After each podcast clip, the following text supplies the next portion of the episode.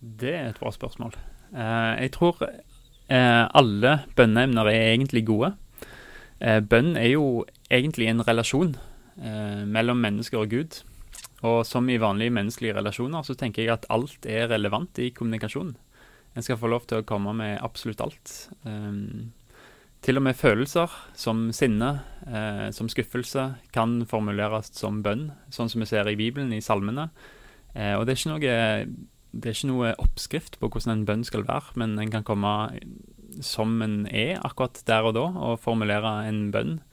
Eller få hjelp til å formulere en bønn, um, sånn som det er i dette tilfellet. Så tror jeg det er viktig at uh, For meg har det vært viktig i hvert fall, å tenke at uh, min personlighet skal få være med i bønnen. Hvis jeg prøver å be med en annen personlighet, eller å be sånn som kanskje folk eh, tenker at en bønn skal være, eller forventer at en bønn skal være, så blir bønn fort kjedelig. Men det gjelder å ta med seg seg sjøl og sin egen personlighet inn i bønnen. Men du ber jo til Han som har skapt deg. Eh, og eh, han eh, har jo sagt at han vet alt. Han har jo telt alle hårene på hodet ditt. Eh, trenger du da be til han? Nei, Det er jo det som er vanskelig spørsmålet med bønn. er Hvor mye skal en be om, og Gud vet jo alt. Men jeg tenker av og til så handler det om eh, Når jeg har eh, noen ting som jeg jobber gjennom, og prater f.eks. med kona mi om det, så er det godt å få prate igjennom, og plutselig så går ting opp for meg mens jeg prater. Så av og til så er ikke alltid bønn eh, noe vi skal informere Gud om, men av og til så er det like mye vi som trenger å komme til far og få prate igjennom ting og få inkludere han, og ting eh, kan like mye gå opp for oss òg samtidig. Nå er du pastor i en eh, forsamling som ligger i Bergen sentrum. Eh, det er Norsk Luthersk Misjonssamband som eh, står bak denne forsamlingen her. Du har hatt denne jobben noen år. det å ha bønn i en forsamling når det er mange til stede, hvordan bruker dere bønn aktivt i forsamlingen? Nå på, på, gudstjenester er det hovedsakelig eh, møteleder som ber. Eh, før hver gudstjeneste så har vi bønnemøte, både på lørdagskveld og søndags eh, formiddag. Eh, og så har vi bønnemøter fast hver onsdag eh, klokka 19 til 20 i Salem. Så vi prøver å inkludere flest mulig eh, i bønnearbeidet, men det er ikke alltid så enkelt på gudstjenester. Det hender at vi kan oppfordre folk til å be i grupper, men det er kanskje heller mot normalen enn uh, det som er vanlig. Jeg leste uh, rett uh, før du kom i studio, så leste jeg i avis om en som var prest i en fotballklubb. det å kunne be om resultat er jo veldig synlig i en fotballklubb, men det å få bønnesvar, opplever du det? Ja, en opplever jo det, men det er ikke alltid at en greier å faktisk ta vare på den tanken at det er et bønnesvar. Eh, noen ganger så tror jeg jo, Gud jobber i det naturlige. Um, og det, for meg kan det være litt nyttig å skrive ned hva det jeg ber om, og gå tilbake igjen og se på, på, om Gud har svart på det, eller, eller, om han har sagt ja eller nei, for å si det sånn. Um, så for min del har det vært nyttig å skrive ned noen bønner for å se, og for å få større tro på at bønn er noe som fungerer. Kristian Lilleheim, du er altså pastor i eh, Salem misjonskirke i Bergen. Og så har vi med oss eh, en pastor til. Eh, to pastorer er ikke så ofte vi har i god hverdag. Eivind Algerøy, du er i Tremorkirken, som holder til på Sotra. Da er vi vest for Bergen. Nå heter det snart Øygarden kommune. Du er òg pastor. Hva, hva menighet er det du er pastor i? Starta i 2005 som menighet. og kom etter hvert inn i NLM eh, og eh, har gått en, en vei derifra. Da. Det skal handle om bønn, og dere er òg med på bønnedagen og skal være med og be for disse bønneemnene som eh, kommer inn. Dette her med å eh, be, er det noe som du opplever som pastor at vi benytter oss nok av? ja, jeg tror det er, det er individuelt eh, hvor masse vi benytter oss av det, sikkert.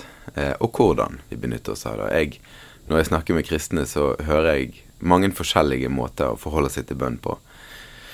Eh, så, så, men jeg tror nok at eh, vi, hvis vi hadde sett hva som foregår rundt oss, hvis vi kan bruke et litt sånn billedlig språk, så hadde vi nok sikkert benyttet oss mer av bønn. For jeg tror at bønn påvirker mer enn vi kanskje tenker og ser. Da. Eh, det tror jeg. Mm. Er det sånn at du uh, oppmuntrer de som du har i menigheten til å be? Ja, absolutt. Vi forsøker jo å forkynne om bønn eh, i, i, menigheten. Og vi oppfordrer til bønn i husmenigheten, eller huskirkene eller husgruppene som vi har. Og eh, vi snakker masse om bønn. Vi er jo en menighet som i stor grad har vokst ut av et bønnefellesskap i sin tid. Har ikke greid å tatt vare på det? Eh, til en viss grad. Altså, jeg tror alle i, som går i Tremorkirken over i hvert fall en viss periode, vil si at dette her er en menighet som er opptatt av bønn. Eh, og vi tenker jo Vi starter jo som en bønnegruppe, eh, men vi ser òg våre røtter tilbake igjen i eldre mennesker som har bedt om at det skal skje noe. Og så har vi fått sitte på det bedehuset der de har sittet og bedt, og oppleve at eh, ungdommer tar imot Jesus. Og så vi så vi tenker at bønn har vært viktig. Vi har forsøkt å ta det med oss inn i, når vi har blitt menighet, men, men klart vi, vi, gleder oss alltid når det kommer flere til bønnemøtene våre. Og når vi hører historier om bønn i, i menigheten. Da. Så ja, det er vel aldri nok. men vi forsøker å legge vekt på det. Da. Det er av og til så er livet sånn at kanskje det ikke er så lett å formulere ord i, i ei bønn. Eh, hvordan eh, oppmuntrer dere som pastorer folk til å allikevel be om, selv om det er vanskelig? Nei, altså Jeg eh, sier av og til at eh, Altså, hva svarte Jesus når vi, han ble spurt hvordan skal vi be? Han formulerte en bønn som vi kaller for Fader vår eller Vår Far. eh, og, og, be gjerne den. Martin Luther han oppfordrer folk til å be Fader vår hver dag eh, som en ferdig formulert bønn. Og så kunne man gå glad til arbeidet sitt. Og jeg, jeg, sier av og til det. Eh, og jeg vet at mange kristne kanskje i det siste har blitt vant til å be eh, bibelske tekster, eh, tidebønner. Og jeg tenker at hvis det, hvis det er en hjelper, så kan det være det. Men i vår tradisjon så er vi opptatt av den frie bønnen som er en samtale med vår far. Eh, enten det man roper om hjelp, eller man bare snakker sammen om ting, sånn som Kristian sier her, har en samtale. Kristian Lilleheim, eh, Salem misjonskirke, eh, var med på bønnedagen i fjor. Det var første gang vi arrangerte den, og du var en av initiativtakerne til denne dagen her. Det kom mange bønner i fjor. Du har sagt at det overraska deg litt når du leste disse bønnene. Hva var det som overraska deg? Eh, for min del så eh, var det veldig nyttig å lese disse bønnene, fordi de, de ga egentlig et inntrykk av uh, hva mennesker som uh, lytter på radio, men ikke bare det, men òg hva mennesker som er i våre miljøer. Uh, og det ga meg Eller jeg måtte tenke mye på hvordan en snakker, både fra talerstolen og i møtene, for det, det handla veldig mye om ting som, som en kanskje glemmer litt av. Sånn skjulte sorger og og kronisk sykdom som en ikke så lett ser, men som de nære ser, og som kan tære litt på relasjoner og tære veldig på styrke. Eh, og det åpna opp eh, noen tanker for meg som gjorde at eh, kanskje må vi snakke litt mer eh, om ting, være litt var, trå litt varsomt, og, og kanskje løfte fram eh, at mennesker ofte tar på seg masker, òg i kristne fellesskap. Det å være en menighet Eh, for hvis en går i menighet, så skjønner en hva menighet er for noe. Men hvis en ikke har et, uh, en menighet en går i, hvordan skal en forklare hva en menighet er for noe? Um, jeg tror det handler om å uh, forklare at uh, det er rett og slett fellesskapet av mennesker som tror på Jesus som Gud. og at han har satt oss i et fellesskap for å styrke hverandre, for å bevare hverandre, for å oppmuntre hverandre men òg for å nå ut til andre. For å bli utrusta til å tenke hvordan kan dette budskapet her nå ut til mine naboer. Så gudstjeneste og møte rett og slett et fellesskap der vi kommer sammen, eh, blir tjent av hverandre, blir tjent av Guds ord og blir utrusta til å nå ut til andre, tenker jeg. Vi snakket litt eh, under sangen her om eh, at det òg kan være vanskelig å, å, å, ta første turen innom en menighet. Mange ble jo vokst opp i en menighet og på den måten blir en del av menigheten. Men det å ha første turen, i, i, f.eks. når du er ungdom eller voksen, innom en menighet kan være vanskelig. Hva er egentlig grunnen til at det kan være vanskelig? Jeg tror at det handler masse om det sosiale. Altså at, at vi som mennesker, vi er jo sosiale.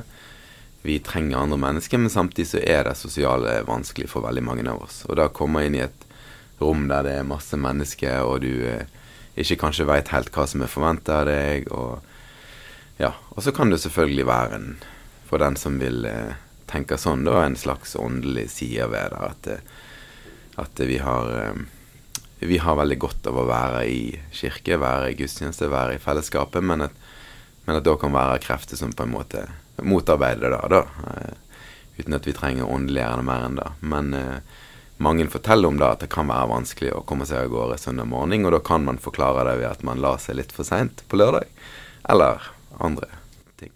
En uh, tenker ofte gudstjeneste klokka 11 som uh, det som skjer i en menighet, uh, men i Tremorkirken skjer det ting òg utenom den søndag klokka 11? Ja, altså det gjør jo det. Faktisk så har vi gudstjeneste søndag klokka tolv. som er en sånn avtale med de yngre menneskene i menigheten. da kommer de. Um, men selvfølgelig, gudstjenesten er, er veldig viktig. Og hvis, uh, hvis, folk har en travel hverdag, så oppfordrer jeg folk frimodig til ikke å gå glipp av uh, søndagsgudstjenesten. Eller fredagsmøtet, uh, hvis man er ungdom. da. Eh, fordi at den er så utrolig viktig for strukturen på livet. Eh, og, og, jeg, tenker gjør nesten hva som helst for å komme deg der. Men, men eh, vi, har, eh, vi, har, jo husgrupper, som er små eh, fellesskap som av mennesker som møtes kanskje annenhver uke eh, og deler liv sammen, som vi sier det. Altså prate sammen, ber sammen, lese Bibelen sammen og Eh, og det er viktig. Eh, ja, et veldig viktig fellesskap. Som er kanskje enklere å komme inn i eh, for en del. Der er det Man blir kjent med de man, man omgås der. Kristian Lilleheim, deres menighet ligger midt i Bergen sentrum. Det går mye folk forbi. hva skal til for at de skal komme inn, hvis en har, har noen andre som inviterer de inn på, på møtene deres? Ja, Det er vanskelig å svare på. Det, I det hele tatt så går jeg òg forbi mange arrangementer i byen. Um, men jeg går ikke inn fordi jeg har lite kjennskap til det som skjer der. Og det kan gjerne være et, et formidabelt seminar, men så lenge jeg ikke vet hvem eller hva, så er det vanskelig å gå inn. Så jeg tror relasjoner er veldig viktig.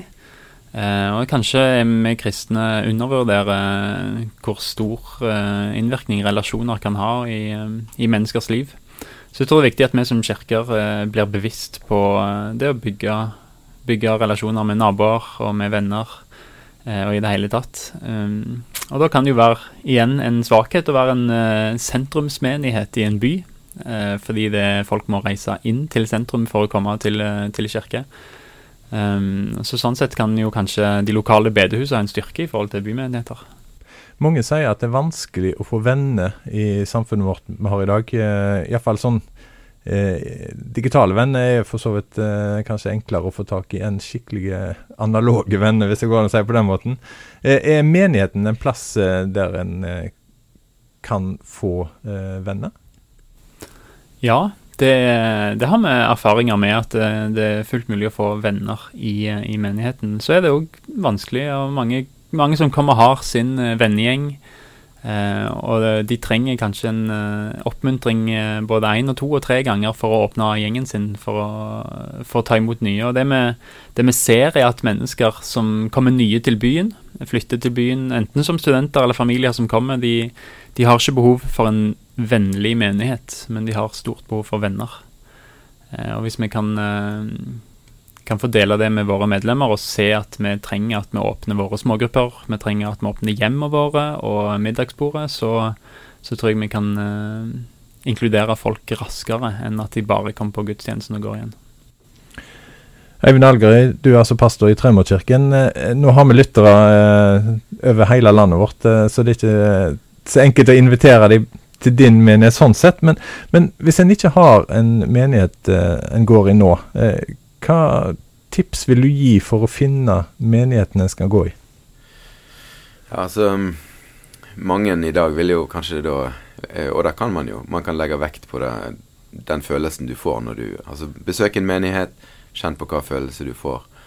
Eh, og, og, blir du tatt godt imot, så kanskje du skal være der. Eh, så tenker jo jeg eh, at, det, at, det, er mer enn det som er viktig, da. At man kan òg undersøke hva denne menigheten står for, og, og sammenligne litt med hva du står for. Men jeg vil vel egentlig si at uh, hvis du er kristen, hvis du, eller hvis du er interessert i Jesus, eller, så tenker jeg at da å oppsøke en menighet er det viktigste du gjør, tror, tror jeg, da.